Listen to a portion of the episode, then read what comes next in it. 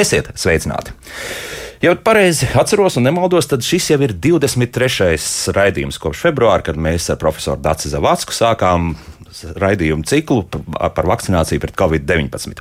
Un profesora Dācis Zavacka, Rīgas Tradiņu universitātes profesora, Bērnu Kliniskās universitātes slimnīcas ģimenes vakcinācijas centra vadītāja šeit studijā. Profesor, labdien! Labdien! Tiešām tik daudz. Jā, ir tik daudz, un nu, kopš februāra nu, tik daudz mēs jau esam runājuši. Tad, tas iedomājieties, 23 stundas. Ja kāds vēl kādreiz stāstīs par to, ka mums ir maz informācijas par to, kas notiek ar vakcīnām, nu es nezinu. Bet, profesor, sāksim ar tādu satraucošu vēsti, kas parādījās vakar, ka Bērnu Kliniskajā universitātes slimnīcā ir ievests desmitgadīgs bērns, nu, kuram ir smaga Covid-19 slimības forma. Vai mums jāsāk uztraukties par to, kas notiek ar bērniem? Nē, nē, noteikti nē. Es īsti neizprotu šīs ziņas lomu sabiedriskajos medijos un, un bērnam. Ne tikai, jā, tā. jā. Un, un bērnam neklājās nemaz tik smagi. Varētu teikt, ka viņam jā, tiešām ir sadzīvē iegūti būtiski Covid-19 riska faktori, kas varēja nebūt, bet uh, būs labi. Savukārt mammai kas atrodas joprojām Lietpā. Māma palika, jā. jā nu, tur... Un tur ir smagāks stāvoklis, jā, cik mēs zinām. Jā, jā. jā. Lūk, tā arī nevakcinēta nevakcinēti. Nu, tā.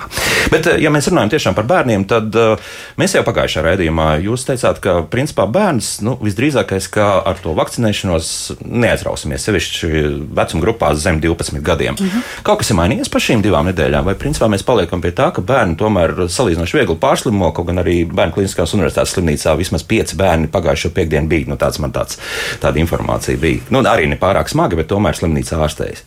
Jā, par to ārstēšanos slimnīcā un jo īpaši bērniem, nu, piemēram, ja bērnam ir apendicīts un viņš tiek stacionēts, un, protams, mēs visiem taisam testus, un viņš ir pozitīvs, tad jā, viņš aiziet sta statistikā kā Covid-19 pacients, jā, bet patiesībā stacionārā tieši viņš atrodas dēļ citas saslimšanas. Ir bijuši un, un joprojām nāk tādi bērniņi, kas, nu, varbūt bišķiņa augstāk tā temperatūra un vecāki uztraucās, jo tā ažiotāža ir liela, un tad nu, viņus atved uz slimnīcu, mēs viņus apskatām, un viņi burtiski nākamā dienā aiziet mājās.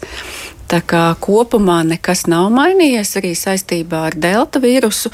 Nevar teikt, ka viņš norit smagāk, jā, viņš ir lipīgāks, bet viņš nerada smagāku gaitu, un bērni galvenokārt slimo asimptomātiski vai viegli, un tāda nepieciešamība priekš um, būšanas slimnīcā nu, ļoti rēta. Mm -hmm. Savukārt ar vakcinēšanos, nu it kā tās mRNS vakcīnas šobrīd ir. Vismaz Pfizer jau ir paziņojis, ka no 5 līdz 12 šajā vecuma grupā bērniem it kā var dot šīs vakcīnas. Būs, nebūs, vai tās atkal būs speciāls grupas, kurām ir nu, paaugstinās riska faktors, kurām tomēr būtu vakcinēšanās notiks. Jā, nu viņi jau vēl nav, tas, ko mēs vakardien dzirdējām, tā bija pati kompānija, kas nāca mm -hmm. klajā ar savu pētījumu rezultātiem, bet vēl jau viņiem jāaiziet visa apstiprināšana.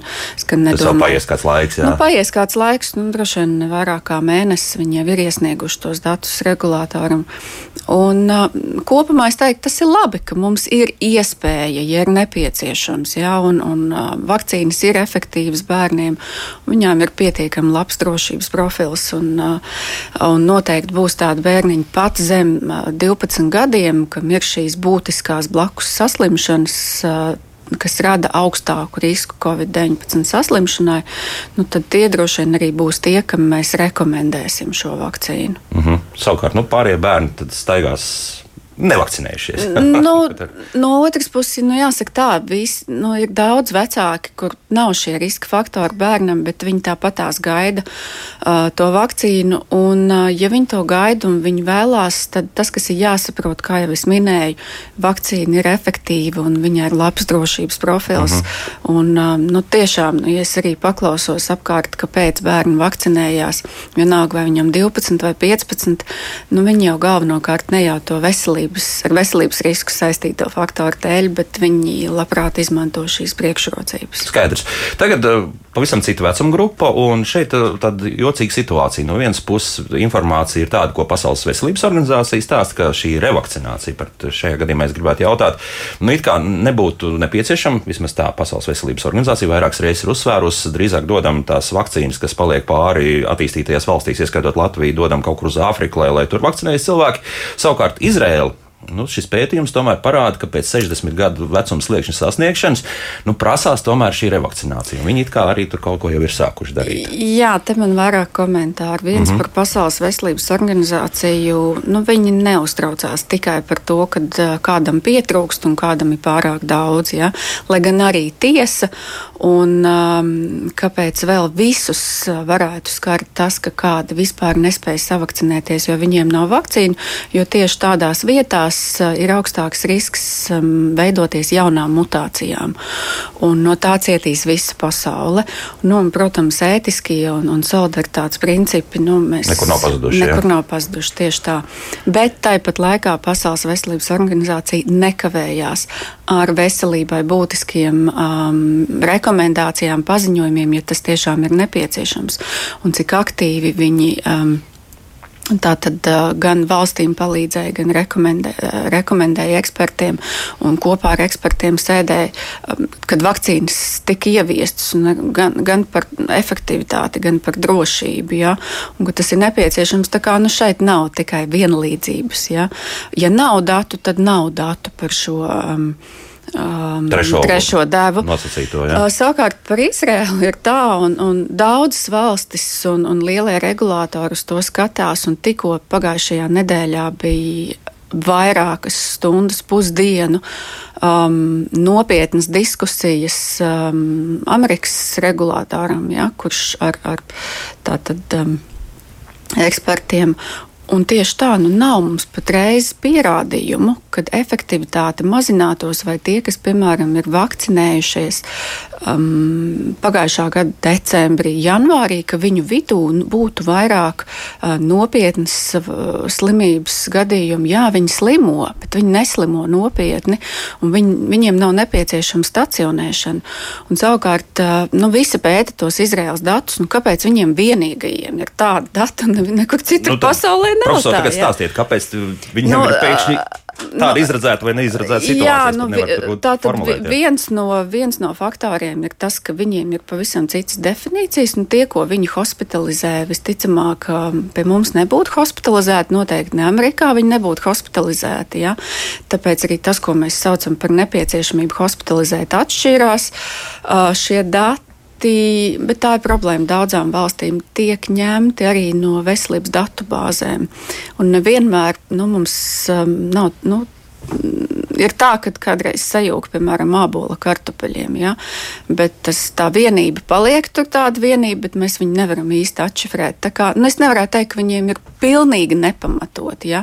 jo īpaši tas, kas ir senioriem, un uz to iet um, lielākā daļa pasaules, un visticamāk arī imunizācijas valsts padome. Um, šo piekdienu mēs sanākam, un, un mēs par to runāsim, un mm, gan Lielbritānijas, gan visas citas meta-analīzes no novērojuma pētījumiem no citiem pētījumiem rāda, ka, ja nu kādam vēl būtu attaisnojumi bez tiem ļoti imunosupresētajiem, uh mhm. -huh. tad tas būtu vecuma grupā nu, 75, plus, varbūt pat jau 65. Plus, jā. Tā grupa, kas patiesībā ir viena no aktīvākajām, sanāk šobrīd, kas ir vakcinējušies. Es skatījos to diagrammu, mums ir ļoti slikti rādītāji vīriešiem visās vecuma grupās, bet pie 70 neskapēc paliek prātīgāk drusku. Nu. Nu, ir pamats, jā, jā. jo viņi jau, viņi jau zina, ko nozīmē nopietni slimot, un viņi ir, ir sakārtojuši vai mēģinājuši sakārtot to savu pamatu saslimšanu, un tagad Covid to visu draud izjaukt. Mm -hmm. ja? Tā kā, un, un viņi arī patiesībā būs tie, kas mums tos nu, sešus mēnešus ar divām devām jau būs nodzīvojuši. Un tad tā ir būtiski piebilst, ja, ok, trešā deva, bet kad to trešo devu vajag? Nu, pēc ja? sešiem mēnešiem, jā. Nu, vis neātrākā. Neātrāk, jā. Te par tiem sešiem mēnešiem šobrīd mājaslapā jau ir jautājumi, bet uh, mūsu studijas tālruņa abi divi strādā. Droši zvaniet mums uh, un, ui, atvainojos, piezvaniet lūdzu vēlreiz, ne to pogu nospied, bet, bet katrā gadījumā, nu jā, par tiem sešiem mēnešiem tiešām jautā, tad uh, ir tas pamats tiem sešiem mēnešiem, jo, lūk, Signa mums raksta, ka Der Spiegel, respektīvi Vācu žurnālā, esot bijusi intervija ar BioNTech dibinātājiem, un kur starpā bija saruna arī par vakcīnas noturību, un tad arī tie seši mēneši atkal ir parādījušies. Ja? Un Jūras arī mums jautā, kas ar tiem sešiem mēnešiem ir. Nu, kopumā jau pēc vakcīnu darbības pamatprincipiem, ja mēs ar pirmajām devām panākam to daudz maz stabilu aizsardzību, arī citām vakcīnām. Ja? Tad tie seši mēneši parasti ir mazākais laiks, kad mēs varam domāt, ka kaut kas sāks samazināties. Mm -hmm. ja? un, un tā visbiežāk arī ir citām vakcīnām. Turpat kādreiz tuvojās gadam, kad mēs sakam trešo devu. Nu, tad to, to, to pastiprinājumu ir vajadzība tā kā ne ātrāk. Kā seši mēneši mēs paskatāmies, piemēram, modernas datus, jo lielākā daļa, kas mums ir, ir tieši pa Pfizer vakcīnu. Mm -hmm, patreiz, ja? Um, starp citu, vīrusu vektoru vakcīnām no AstraZeneca nemaz tik slikti tie dati nav. Mm -hmm. Tā mums uh, lomā ir atstāta. Nu, diemžēl, jā, mēs viņu esam nepamatoti ja, tādu padarījuši. Nu, lūk, bet uh, arī moderna nāk ar saviem datiem. Nu, tur tādā astoņi mēneši jau sāk parādīties. Tas tiešām ir rūpīga analīze un, un, un um, nu, tāda diskusija un runāšana un skatīšanās no dažādiem aspektiem, kad mēs rekomendējam šo mm -hmm. trešo devu, ja vispār. Jo Signa mums ir uzrakstījusi šādi, ka m, tur tā starp pirmo un otro poti varbūt iespējams, ka ir kaut kāda atšķirība, vai tās ir bijušas tās divas vai trīs nedēļas kā pie mums, vai attiecīgi sešas nedēļas, piemēram, kā tas ir bijis Vācijā. Acīm redzot, runa ir par mRNS vakcīnām. Mm, nē, es teiktu, ka tā atšķirība nu, cilvēkam drīzāk būtu tad, kad viņš ir um, pēc pirmās dēves, jo ilgāk viņš vēl garumā, jo tad tā pirmā dēva sāk kaut kādā brīdī jau nepietiekami kļūt, lai aizsargātu viņu tā labi aizsargātu. Mm -hmm. Bet tiklīdz kā tiek saņemta otrā dēva atgādinājums imūnai sistēmai ir un vienalga, vai viņa tiek saņemta pēc trīs, pēc sešām vai pēc astoņām nedēļām, ja, mm, nu, tas, tas, tas būsters ir bijis. Mm -hmm. Un tā ir atskaites punkts ir pirmā vakcīna pēc būtības. Ja? Priekš trešās? Nu, tā it kā priekš, jā, nu, priekš trešās un nē, priekš sešiem nē, mēnešiem. Otrā, dēļ. otrā tomēr, jā. jā. jā. Nu, tā kaut kāda loģika varbūt, ka tajos, tajās nedēļās tur pieņemsim ir. Nu, katrā gadījumā tā būs, kad ne ātrāk kā seši mēneši pēc otrās dēļas saņemšanas. Mm -hmm. nu, tā, nu, paklausīsimies kādu klausītāju. Jā, halo, lūdzu, jūs varat jautāt? Nu, es atkal par tām pašām daudzajām antivielām. Sakiet, ja viņas ir konstatētas no daudziem zinātniskiem ietekmīgiem avotiem, tur Lancet, Īvārs Kalviņš, nu, es nepārskaitīšu, jā, un sociālos tīklos es neesmu, tā kā es nevaru būt to salasījusies. Un ja ziņo, ka antivielu augsts līmenis vēršas pret pašu organismu, tad ko darīt. Man ģimenes loceklis pārslimoja aprīlī covidu, bet ar ātro testu to konstatēja un to certifikātu, tāpēc viņš nevar dabūt. Un tagad es augustā uztaisīju to antivielu testu un viņš ir augsts. Un, un otrs ģimenes loceklis arī slikti jutās, un arī tas pats, un viņiem tagad visa dzīves atšakarēta dēļ tā nelaimīgā certifikāta. Nu, skaidrs, ko labi, darīt? Ko darīt, jā? Nu, labi, paldies! Jā, nu mēs pacietīgi un pacietīgi ievelkam gaisu mm -hmm. un turpinam skaidrot. Jā. Mīļie cilvēki, antivielas ir mūsu imūnā atmiņa, un ar antivielām mēs viņus izveidojam, kaut ko mēs saņemam no mammas, un mēs dzīvojam visu dzīvi ar antivielām, un vienalga, cik viņas būs, viņas mums nekaitē. Antivielas nevar uh, pēc vakcinācijas vai pēc izslimošanas radušās antivielas nevar mums kaitēt. Nākamais. Vienalga, kādas vakcīnas mēs vēl, kā saka, piebarot organismu. Jā? jā, tieši tā. Un ja mēs esam divreiz vakcinējušies un pēc tam šodien satikušies ar covid slimnieku, satikušies pēc nedēļas un pēc mēneša, mūsu antivielas vēl vairāk aizies augšā. Mm -hmm. Ļoti labi, viss kārtībā. Viņas mums nekaitē. Un lai piedod tie, kas um, runā par kaut kādu antivielu kaitniecību, lūdzu, ieiet, izlasiet pamatprincipus, izlasiet mācību grāmatas. Bet tas Lancets tika piesaukts. Jā, par, par Kalvinu kungu mēs jau pagājušo reizi izrunājām. Jā, jā. varbūt uh, tomēr. Ka... To, ko publicē Lancets, tas ir tas, ko visa pasaule meklē, zinātnieki, pētnieki, eksperti. Vai mums izdosies šai slimībai atrast antivielu līmeni? Tātad konkrēti cipari vienalga, vai viņš būs 50, vai viņš būs 100, vai viņš būs 1050 pie kura tātad vēl jābūt arī noteiktai metodei, ja, jo metodas ir ļoti daudz dažādas un visas nav vienādas pēc ticamības arī. Nu, lūk, ja mums izdosies atrast skaitli, pie kura mēs varam pateikt, jā, ar šādu antivielu līmeni, ar šo metodi, šādas antivielas, jo arī antivielas ir daudz un dažādas. Cilvēks ir aizsargāts, labi, nākamais, cik ilgi?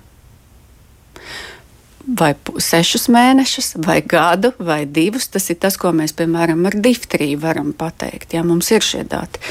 Tad šo sauc par līmeni, aizsardzības līmeni. Covid-19 viņš nav noteikts, un to pilnā sparā. Salīdzina un mēģina noteikt un dažādām metodēm. Un, diemžēl te laiks ir tāds, kāds tas ir. Jā, tas ir lineārs šajā gadījumā. Jā, jā nekāda dod... izliekuma telpā un laikā nav. Jā? Nav, tieši nav, tā. Jā. Un mēs nevaram šodien pateikt, nosakot antivielas, vai tev vajag, vai tev nevajag. Tas, ko mēs varam pateikt, kad antivielas pēc pārslimošanas.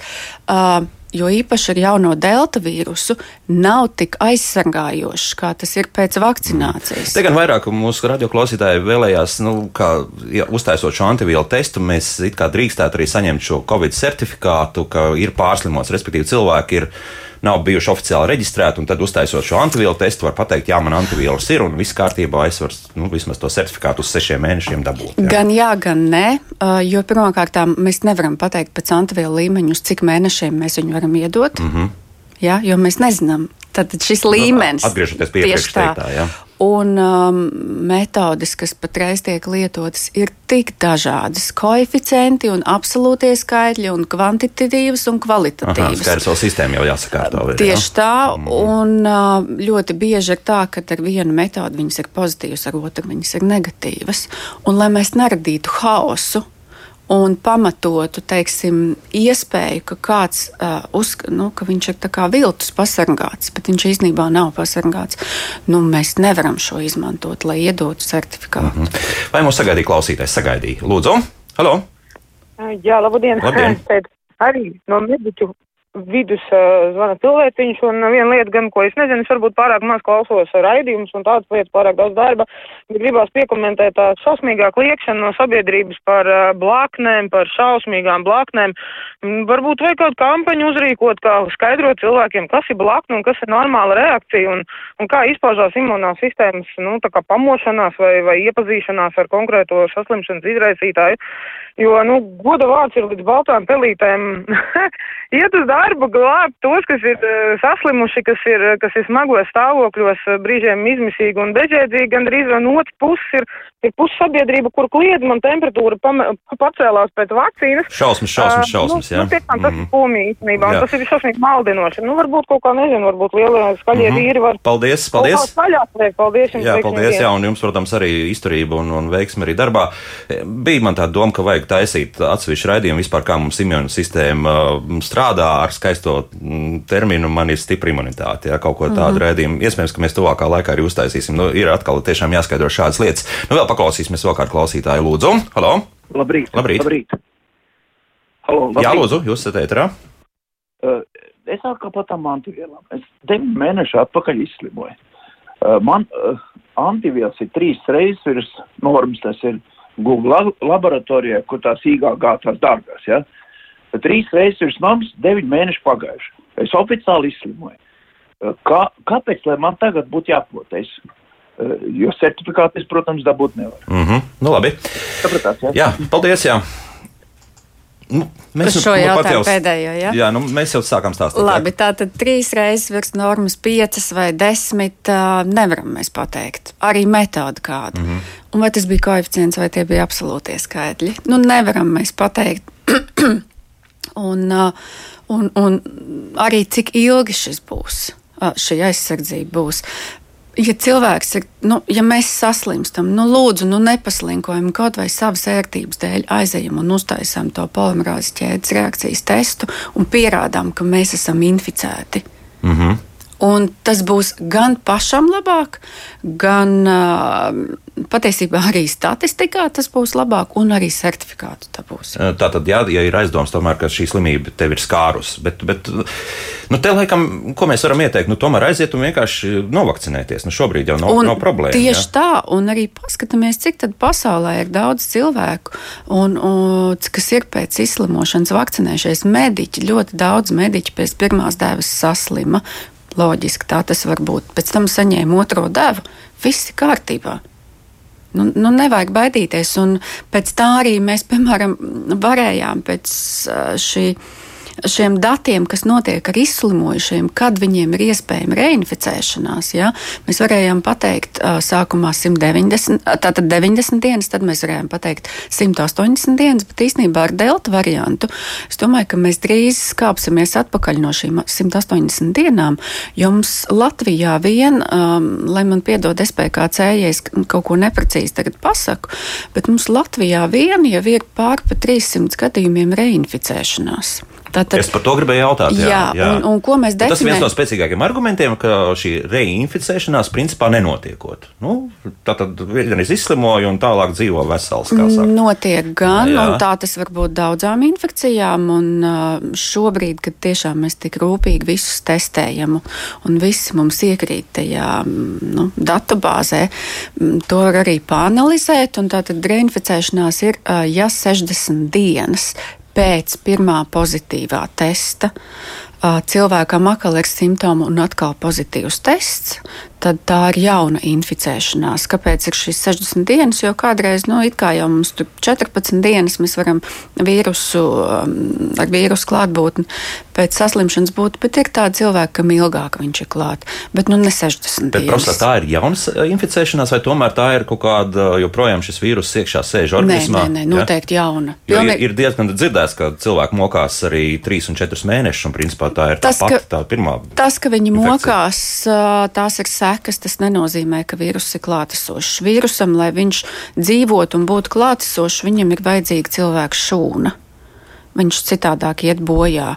Un ja viņš visu laiku būtu šūnā, tad tā klīnika būtu pa daudz, daudz, daudz nopietnāka.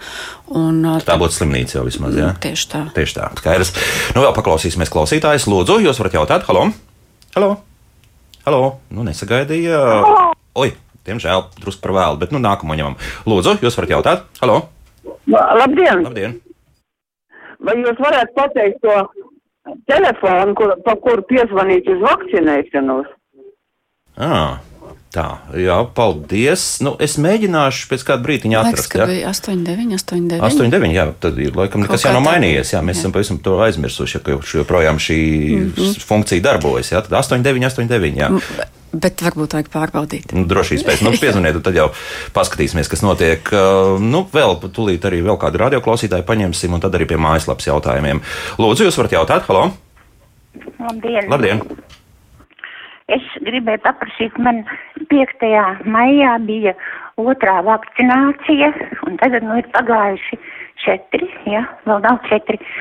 Un cik ilgi tad es varu tagad dzīvot bez vakcinācijas trešās, vai es varu vēl gaidīt, vai, vai varu mierīgi dzīvot. Mm. Sakiet, jums arī kāda kroniska slimība ir, kas, kas vai imunsupresijas kaut kādi medikamenti tiek lietoti?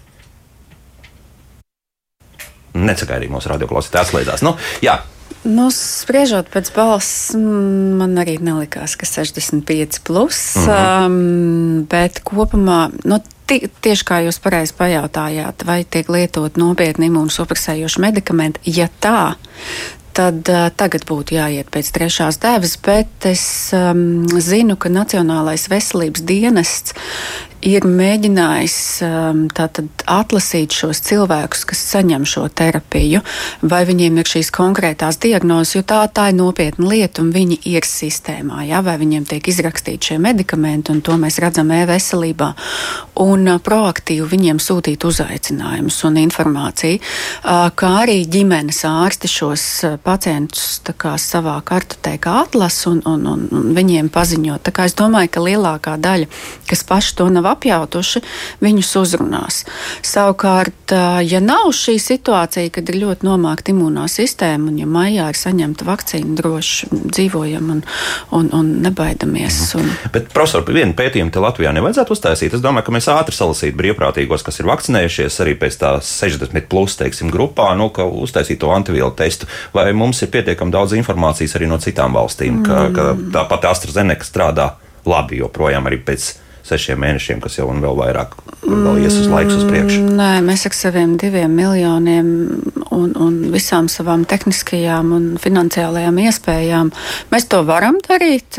Tas būtu labi. Mēs arī kaut ko pieliktu klāt kopējā pasaules tajā grozā ar zināšanām, bet nu, mums nav īsti tas vajadzīgs. Mēs neko īsti neatšķiramies no, no, no, no tām valstīm, kur šie pētījumi jau diezgan daudz ir veikti. Mm -hmm. Es uzreiz paskatījos ar 8, 9, 8, 9 tiešām strādā un arī turpmāk ne tikai Covid-19 vakcīnas pieteikšanai, bet arī informācijai par vakcinēšanas procesu. Jūs varat uzdot arī tur jautājumus. Tā kā 89, 89 strādā. Nu, lūk, cerams, ka mūsu klausītāji arī izmanto šo iespēju.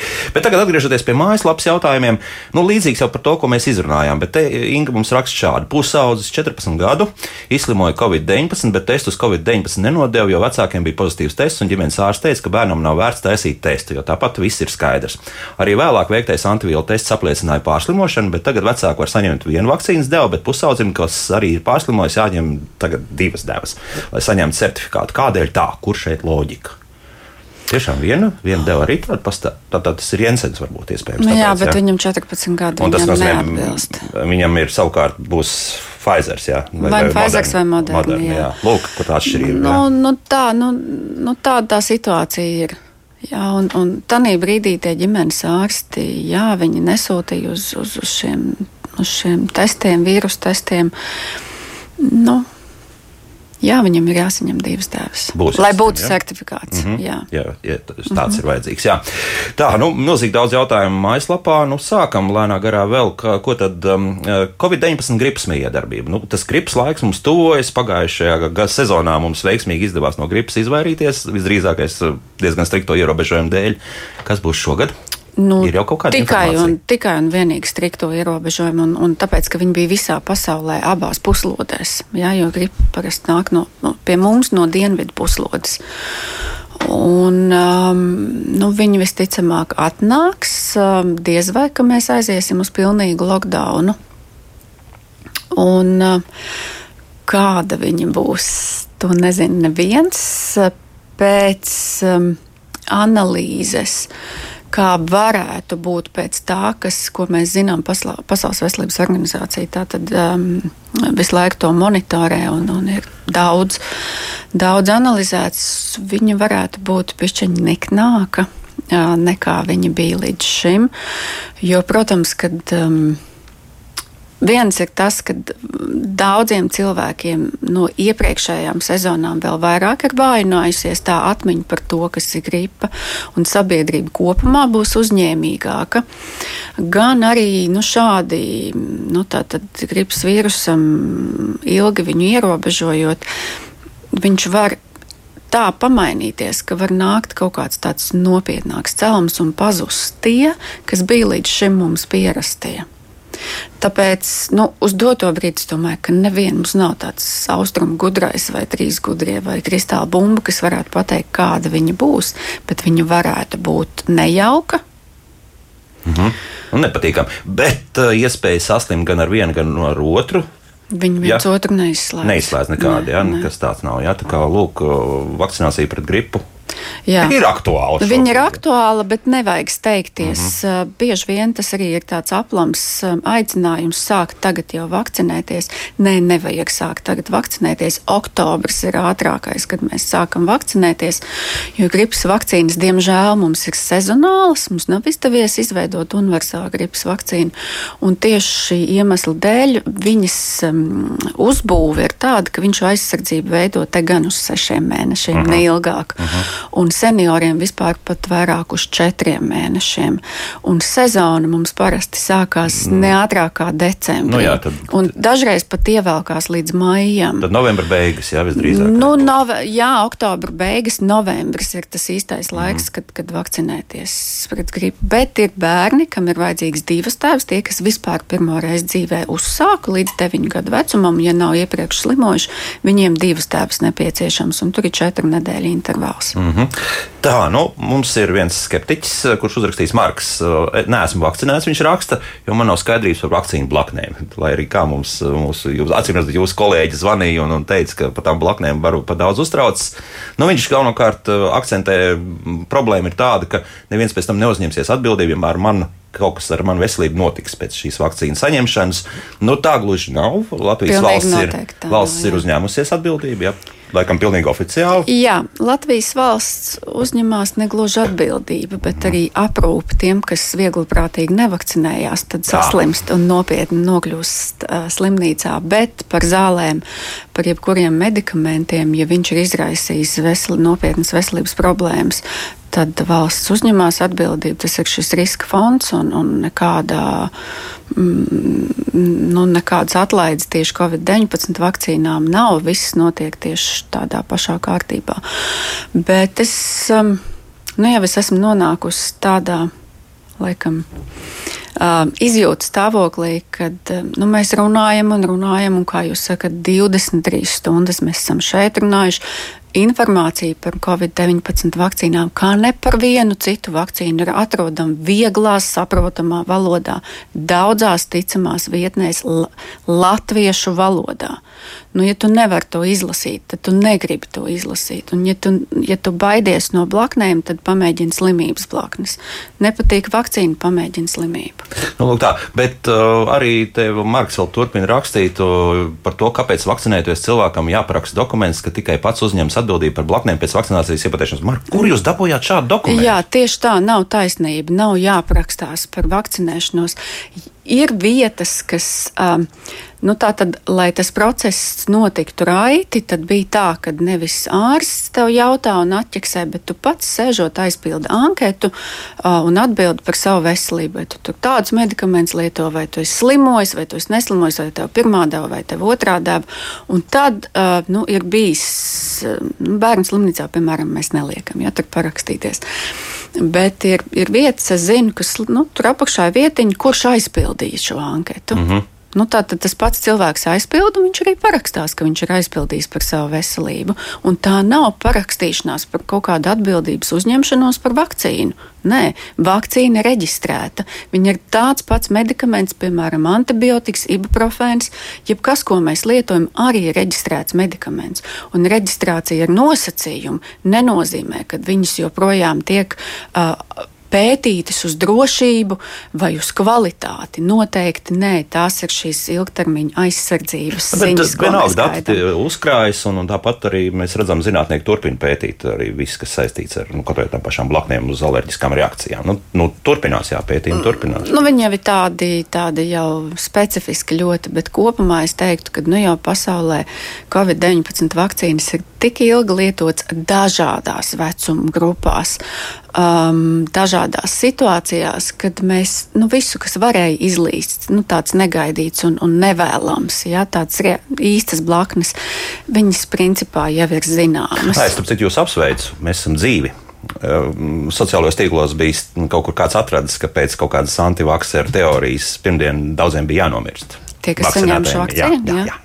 Kā Nu, nu hipotēze, hipotēze tika nogāzta. Tā, paklausīsimies arī kādu klausītāju. Lūdzu, jūs varat jautāt? Halo! Halo! Labdien!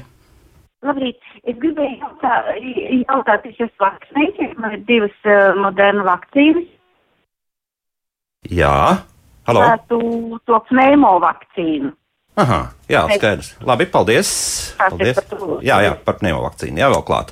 Uh mhm. -huh. Pneumokoka, pneumokoka infekcija, protams, um, aktualizējās saistībā ar Covid-19, jo pneumokoka visu citu slimības formu starpā izraisa arī nopietnas pneimonijas. Un um, bieži vien šiem covid pacientiem pievienojās pneimonijas, un, un pneimokoks tātad kā izraisītājs vismaz par trešdaļu ir atbildīgs. Un jo vairāk nu, tādu blakus patoloģiju, vai jo īpaši vecumā pēc 65, mēs jau tāpatās rekomendējam cilvēkam šo vakcīnu saņemt. Bērni viņu saņem vakcinācijas kalendārā. Tā kā vakcinēt viņu vajag, jo īpaši riska grupām um, nav nekādas teiksim, savstarpējas mijiedarbības šīm vakcīnām. Protams, kad Covid nepasargās no pneimokoka un pneimokoks no Covid. Uh mhm. -huh. Nekādas likumsakrības tur nav. Ja? Bet, bet katrā gadījumā vieglāka situācija varētu būt. Nu, varētu būt ja? nu, tie, kas ir vakcinējušies pret pneimokoku, un ja viņam attīstās pneimonija, Jā. tad vismaz to trešdaļu, mm -hmm. kas varētu būt, viņš jau ir izslēdzis. Un pneimo... Tas nav maz patiesībā. Kas nav maz, un pneimokoks raksturojās ar ļoti izteiktu rezistenci pret antibiotikām. It kā baktērija, it kā mēs viņu varētu ārstēt ar antibiotikām, bet uh, viņas lielā problēma, kad viņi ļoti, ļoti rezistenti šī baktērija pret daudzām antibiotikām. Mm -hmm. Tāpēc vakcīna ir tāds nopietns profilakses pasākums. Nu, tad vēl paklausīsimies klausītājs. Lūdzu, jā, lūdzu. Halo. Es jūs dzirdu, halo! Jā, mēs jūs arī dzirdam. Labdien! Sakiet, lūdzu, ja jūs minējāt, ka ir vakcīnas, kuras ir mazāk alerģiskas. Man jaunībā ir bijis alerģija, stipra alerģija. Vai tiešām ir garantēta, ka nu, kuru vakcīnu būtu labāk vakcinēties. Nu, skaidrs, labi, paldies. Jā, nu, lūk, šobrīd tās MRNS vakcīnas. Nu, tik tālu mēs dzirdām, jā, Stanfordā ir izpētījuši, ka, ka, ka jā, šīs blaknes praktiski ir ļoti niecīgas. Būs jums iespējams, var būt alerģiska reakcija, bet tāda nu, ne, no, nepārāk smaga. Vispār jau nu, vīrusu vektoru vakcīnām anafilaks un, un tāda nemaz nebija. Vispār nu, tas, nebija, jā? Nē. Ah. Nu, ja teorētiski jebkuram medikamentam var būt anafilaks, ja, bet um, messenger vakcīnām... Tas tas pats smagākais, tā, ka tiešām jau trūkst elpu un Jā, jā un atcerieties, tikko sāka pasaulē vakcinēt mediķus, jau kaut kādas pirmās trīs anafilakses bija. Mm -hmm. Tur Anglijā bija un Amerikā bija to visu rādīt televīzijā. Viss šausmās saķēra galvu. Viss šausmās saķēra galvu, bet tas bija ļoti labi. Mēs vēl labāk tam visam sagatavojāmies. Un kā jau um, jūs tajā nolasītajā Stanfords pētījumā tieši tā tiem cilvēkiem, un tādu būs ļoti maz, apmēram 1 uz 800 tūkstošiem, ir izreikināts tas risks. Um, tieši uz šo tātad šis ziņnesis ir ielikts tā kā tādā tauku molekulē. Mm, tās tauku molekuliņas arī ir tās, kas reaģē. Jā. jā, ļoti reti, bet kopumā cilvēkam ir alerģija no citiem medikamentiem, no lapseņu kodumiem vai pārtikas, nav paaugstinātā riskā, kad viņiem būs arī no šīm vakcīnām potenciāli alerģija alerģiju. Un vismaz bērnu slimnīcā mēs esam ļoti daudz alerģiskus cilvēkus vakcinējuši, un pat tādi, kas kabatā nesā šo adrenalīnu pildspalvu, viņiem ir dažādas dzīves situācijas, nu, viņiem viss ir brīnišķīgi. Viņi ir pasēdējuši pie mums 15, 30 minūtes, aizgājuši priecīgi mājās. Mm -hmm. Tā stunda tur nespēlē tik lielu lomu, jo tajos pētījumos parādās, ka stundas laikā iespējams vēl kaut kādas reakcijas. Vēlīnās. Jā, jā, jā, jā. jā bet tas uh, arī ir ļoti, ļoti reti. Mm -hmm. Nu, vēl viena klausītāja, jā, lūdzu, jūs varat jautāt, halo! halo? Nu, nebūs. Jā, nu, tad uh, varbūt pārzvaniet uh, kaut kādā studijas tālruņa. Ir aizņemti šobrīd abi divi, un daudz mums ir uh, taujātāji. Nu, paklausīsimies nākamā mūsu klausītāja. Lūdzu, jūs varat runāt. Labrīt! Paldies jums par jauko raidījumu. Es te gribēju atgādināt, ka ja antivakceri ieslēdz savas smadzenes un palasa vēstures grāmatas, ka izgudroja trakumsēgas vakcīnu, tad bija līdz ārstu nolinčošanai tas gāja. Mm -hmm. un, un tās izglāba tūkstošiem cilvēku dzīvību. Pret trakumsērku zāļu nav, ir tikai vakcīnas. Tā kā jā. es nezinu, kas viņam tas galviņās ir. Man liekas, ka viņi vienkārši grib stilu savu Nu, grūti pateikt, bet, bet katrā gadījumā Lūk, Aldis mums uzrakstīs, es smagprātīgi nevakcinējos. Paldies! Jā, nu, arī tā mūsu klausītāji joprojām ir, kurus nepārliecināti ar kādiem argumentiem. Nu, milzīgi daudz atkal jautājumu mājaslapā, un viens no tādiem pārmetumiem ārstu dārziņā akmens lido par to, ka ir ārsti, kas, nu, principā pēc mūsu radioklausītāju domām joprojām turpina aģitēt pret vakcinēšanos. Diemžēl. Jā. Jā. Kas tas ir? Medicīnas izglītības kļūda. Pat tik smagi jūs Noteikti, teikt, jā? jā. Hmm. Nu, jā. vai tā ir Delta mums uzrakstījusi, vai tā ir taisnība, ka trešā modernas vakcīna pasargā no Delta varianta? Tā pēdējā ziņa no zinātniekiem, ka, ka tad principā mēs atgriežamies pie sākuma, ka tam liels nozīmes nav. Ja? Nu, Trešā. Noteikti nē. Um, Tātad um, divas devas ir tiešām būtiskas, lai būtu laba aizsardzība uh, pret delta variantu. Un visas līdz šim esošās reģistrētās vakcīnas, tie dati nāk katru nedēļu tiek rūpīgi klāt, apkopot un joprojām 90% aizsardzība pret smagu, pret hospitalizāciju delta variantam visām vakcīnām. Dažām pat vairāk kā 90%. Mhm. Modernai um, un jebkurai citai, ja nu būs problēma pret kādu noteiktu variantu, tad iedodot kaut vai piecas vai sešas devas, nekas nemainīsies. Tad ir jāmaina vakcīna. Ja ir jauns variants, kurš izbēg no vakcīnas radītās aizsardzības. Pilnīgi jauns, jā. Ja? Nu jā, nu sākumā arī ar deltu likās, ka varbūt ka nebūs nemaz tik labi vairs. Ja? Jā. Bet, um, nu, tā kā runāja, ka arī kaut ko modificēšot arī šajā. Uh, ražotāji gatavi. Uh, nu, tad viņi pateikuši, ka viņiem vajadzīgs īsāks vai garāks laiks, lai nomainītu to sardanīti ja, tai, mm -hmm. tai vakcīnai. Bet tas ir izdarāms. Bet, nu, tu, Pagaidām nav nepieciešams. Nav nepieciešams, jā. un es gribētu arī pie tā palikt. Te viens smags komentārs no, paredzēts, jautājums no Renāra puses. Tūs radinieks ir nopircis vakcinācijas faktu, lai dabūtu certifikātu. Tik tūs, ka negribas viņu nosūdzēt, vai tad, kad viņš saslims ar covid-19, vai tad viņš nokļūs statistikā pie tiem, kas ir saslimuši un vakcinēti, ja tajā brīdī varēs noteikt, ka vakcinācija vakcinācija patiesībā nav notikusi. Abi varianti, laikam, jā, šeit ir. Uh, jā, bet um, noteikti visi saslimušie, vakcinētie, vienalga fake vai nefake, uh, ja viņi nokļūst pie ārstiem, tad uh, mums jau ir izstrādāts algoritms. Jau labu laiku, visi to zina, kāda izmeklējuma mums ir jāņem. Ja tas notiek stacionārā, tas notiek zibenīgi. Un, uh, jo šādiem cilvēkiem nav jānonāk stacionārā. Mēs momentā ņemam visas analīzes, un pēc analīzēm mēs varam pateikt pēc tām pašām antivielām. Un, ja mums ir nepieciešams, mēs ieslēdzam starptautiskos kolēģus un varam pateikt, vai cilvēks ir saņēmis vakcīnu vai nav saņēmis vakcīnu. Un, Renāri, jūs tuvojam radiniekam visdrīzāk tagad jātur ir, nezinu, pirkstiņi visu laiku uh, sakrustoti, jo principā tā ir krimināla lieta, jā, ko, ko viņš šobrīd ir paveicis. Jā, jā, dokumentu protams. viltošana un ar visām no tā izrietošajām sakām. Tā kā es nezinu, neapskaužu šos cilvēkus, kas tā pasteidzās neskādu iemeslu dēļ. Nē, ne iemesli zinām. Jā. Halo, lūdzu, jūs varat jautāt? Radio? Jā, tieši tā. Nu, te viens pacients no padomu laikiem. Es strādāju par traktoristu, mums kukurūzē mēslojumam bija jāiestrādā kompostā amoniaks. Un bez aizsardzības līdzekļiem strādāja 50 tonnas, kamēr tie izplaucēja plaušas. Man tagad jāklepo nav plaušās tādi nosēdumi e, krājās. Un dačīt, ka tā flora, ka plaušām ir traumēta. Un man tā plēmo akcija būtu vajadzīgi potēt, jo man ir 77. Mm -hmm. Sakiet, pret Covid-19 arī esat vakcinējies? Visi kārtībā. Tur ir viss kārtībā, jā, skaidrs, labi. Tad uh, šeit. Jā, jā, šeit noteikti gan pēc vecuma, gan arī pēc riska faktoriem, kas ir iegūti arodā. Jā, mm -hmm. jā, jā viennozīmīgi. Vajadzīgi jā, arī šī. Jā, jā bet tā labā pot. ziņa tāda, ka tā ir viena deva uz visu mūžu. Mm -hmm. Tā kā ja cilvēks vēl nav to izdarījis, tad to vajadzētu izdarīt. Jā. Um, kāpēc pārsteimošā imunitāte ir sliktāka par imunitāti pēc vakcīnas? Ilona mums jautā. Uh, jā, tāds fenomens infekcijas slimībās ir, un Covid-19 nav vienīgā infekcija, kad um, vīrusu radītā imūnās sistēmas aizsardzība un atmiņa ir daudz nenoturīgāka, jo vīrusam pašam kā tādam ir daudz, nu tā teikt, um, viela, ko viņš izdala, uh, mānot imūno sistēmu. Savukārt, tad, kad mēs izveidojam vakcīnu, mēs izveidojam ļoti precīzi, mērķtiecīgi, lai panāktu augstāko un ilgnoturīgāko aizsardzību. Un vistipiskākais piemērs, kad dabīgā nu, viņa tāda slikta dabīgā. Ja?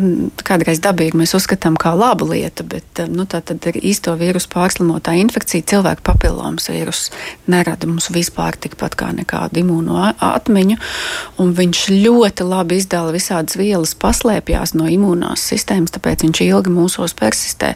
Savukārt ar vakcīnu mēs to esam pilnīgi pretēji pa 180, un, un, un mums ar tām dažām devām ir mūžīga aizsardzība. Mm. Es tad drusku smējos, jo Normons uzrakstīs, Elvi, vēl jau nav vakars.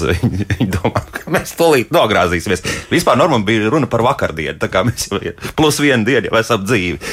Tā, nu, tagad, ko tad mums vēl jautā par to Sputnik 5 tomēr, jeb Sputnik V, ja, kā saka, nu, būs pieejams Eiropas Savienībā vai nē? Nu, nebūs, nebūs drīzākais. Ne, ja? ne, ne vieglais, ne smagais Sputniks nebūs pieejams. Mm -hmm, tad... es, nu, es domāju, ka ja viņi pat sāktu pētījumu no sākuma un spētu izpildīt visas, visas prasības un iziet reģistrāciju, tad tā vakcīna mums vairs nebūs vajadzīga. Mm -hmm. Par Covid-19 vakcīnu savstarpējo kombināciju iespējamo. Nu, vienu brīdi runāja, ka varbūt būs tiem.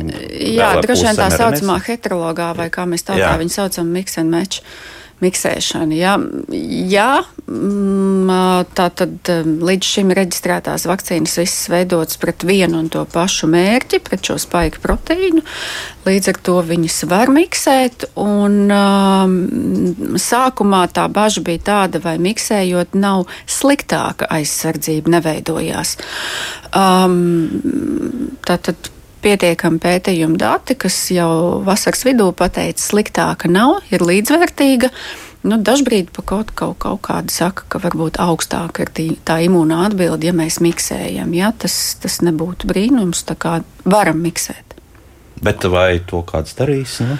Ne, mēs jau bišķiņu to sākām darīt pavasarī, tad, kad. Um, Sāk trūkt kaut kas tāds? Nē, kad grūtniecis mēs vakcinējām tās, kas bija saņēmuši pirmo dēvu vīrusu vektoru vakcīnas, tātad AstraZeneku. -huh. um, un tad parādījās informācija, ka pa, jā, labi, par, šīm, par, šiem, blaknēm, jā. par šīm blaknēm, un šīs blaknes no vakcīnas ļoti atgādina dažas grūtniecības patoloģijas, bet terapija ir pilnīgi pretēja. Un, lai nejauktu galvu, tad, ja notiek viena vai otra lieta, tad mēs viņus maksimāli atdalījām un teicām, nē, krūtniecis tālāk tikai ar messenger vakcīnām. Uh -huh. nu, Viņas bija pirmās, kas sāka jaukt un dabūja certifikātu. Mēs pagājušo reizi uh, beigās izrādījās ļoti svarīga lieta. Neizrunājām tieši par grūtniecēm un vakcinēšanos par covid-19. Pēc tam informācija gan parādījās publiskajā telpā uzreiz. Jā, tad, tad uh, profesori, nu, laikam tas aicinājums joprojām ir. Tad, jau topošajām māmiņām, Not, nav vakcinējušās. Noteikti, noteikti, jo ja vēl um, tad, kad Covid tikko parādījās, un mēs varējām pateikt klīniski, kuras veselības stāvokļi ir paaugstināts risks smagai Covid-19 norisei. Jau tad grūtniecība bija iekšā šajā sarakstā, bet, nu, protams, sākumā tā, tā, tā vakcinācija tā, tā, bet nākot klāt datiem, tad grūtniecība ir būtisks riska faktors smagai Covid-19 norisei gan sievietei, gan bērniņam. Un, nu, mēs tagad esam arī dzīvē, diemžēl, šos bēdīgos gadījumus redzējuši publiski. Viņu bija satraucoši daudz arī pirms viņa kļuva publiski. Un jau vakcīnas tātad reģistrēja mums decembrī, un jau pavasarī mēs teicām, grūtniecēm lūdzu vakcinēties, tas ir svarīgi, tas ir droši, un nekas nav mainījies, tikai vēl vairāk izgaismojies, kad grūtniecēm klājās švaki ar Jo zaudēt arī nedzimušu bērnu, tas tomēr ir milzīga traģēdija. Bet zaudēt mammu ir arī ļoti liela traģēdija. Arī tas vēl tā. Vēl tātad vienu klausītāju uzklausīsim, un vēl viens jautājums no mājaslapas. Lūdzu, jūs varat jautāt? Halo! Halo! Nu, jūs varat runāt, jūs redzat, esat joprojām kopā ar mums. Nu, nē, nesenāk, žēl. Tad uh, pēdējais, tiešām ir pēdējais jautājums no mājaslapas. Svarīgs Normons jautājums šāds. Sakiet, lūdzu, ar kādu vakcīnu būtu labāk vakcinēties cilvēkam, kurš saņem ķīmijterapijas kursu? Tātad MRNS vai, vai tomēr vīrusu vektoru? Vienalga nav tiešām godīgi. Nevar pateikt, ka kāda būtu, būtu labāka. Tie, kas saņem ķīmijterapijas kursu, varbūt es teiktu, nu, neizvēlieties Jansenu ar vienu devu. Kāpēc? Nu, tā viena deva, nu, tas ir tiešām arī nākamais, kas ir uz galda, ka tā viena deva var būt nepietiekama. Jo par to arī jautājums ir mājaslapā. Vai te nebūs nepieciešama tomēr šī revakcinācija? Jā, jā, Tur iespējams, jā, ka būs. Jā, jā. Jā. Un kā to pārbaudīt? Nu, tagad jau pēc vadlīnijām tas viss notiks. Ja? Nu, mēs vācam pasaulē datus, tie, kas ir ar šo vienu devu savakcinējušies vienā, otrā, piektā, desmitā valstī, kas ar viņiem notiek, cik, vi, teiksim, Janssen vakcinēto vidū vairāk saslimst vai viņi tiek stacionēti. Un Amerika ir viena no tām valstīm, kas visvairāk viņu lietoja. Ja? Un uz to pusi velk. Mm -hmm. Visdrīzākais. Jā. Ja? Profesor, es teikšu šodien paldies. Jums bija skepse zināmā mērā par to, vai vispār mums jāturpina šīs sarunas. Es pieļauju, ka jā, jo jūs neticēsiet, no es redzu, šobrīd mums bija piezvanījuši vismaz septiņi cilvēki gaidīja rindā, jā, kurus mēs nespējām uzklausīt, un arī mājaslapā ir milzīgi daudz jautājumu, tāpēc, ka visdrīzākais, nu, ja ir iespēja, tad pēc kāda brīdiņa atkal tiekamies Noteikti, un turpināsim jā, runāt jā, par, arī par imūnu sistēmu mūsējo. Rīgas Tareņu universitātes profesora, Bērnu klīniskās universitātes slimnīcas ģimenes vakcinācijas centra vadītāja Dats Zavacka bija kopā ar mums. Paldies. Paldies! Rīt tad par logiem runāsim. Ja? Kādas jaunas logas likt, kādas tehnoloģijas ir parādījušās, un par ventilāciju diezgan daudz runāsim rīt. Atā!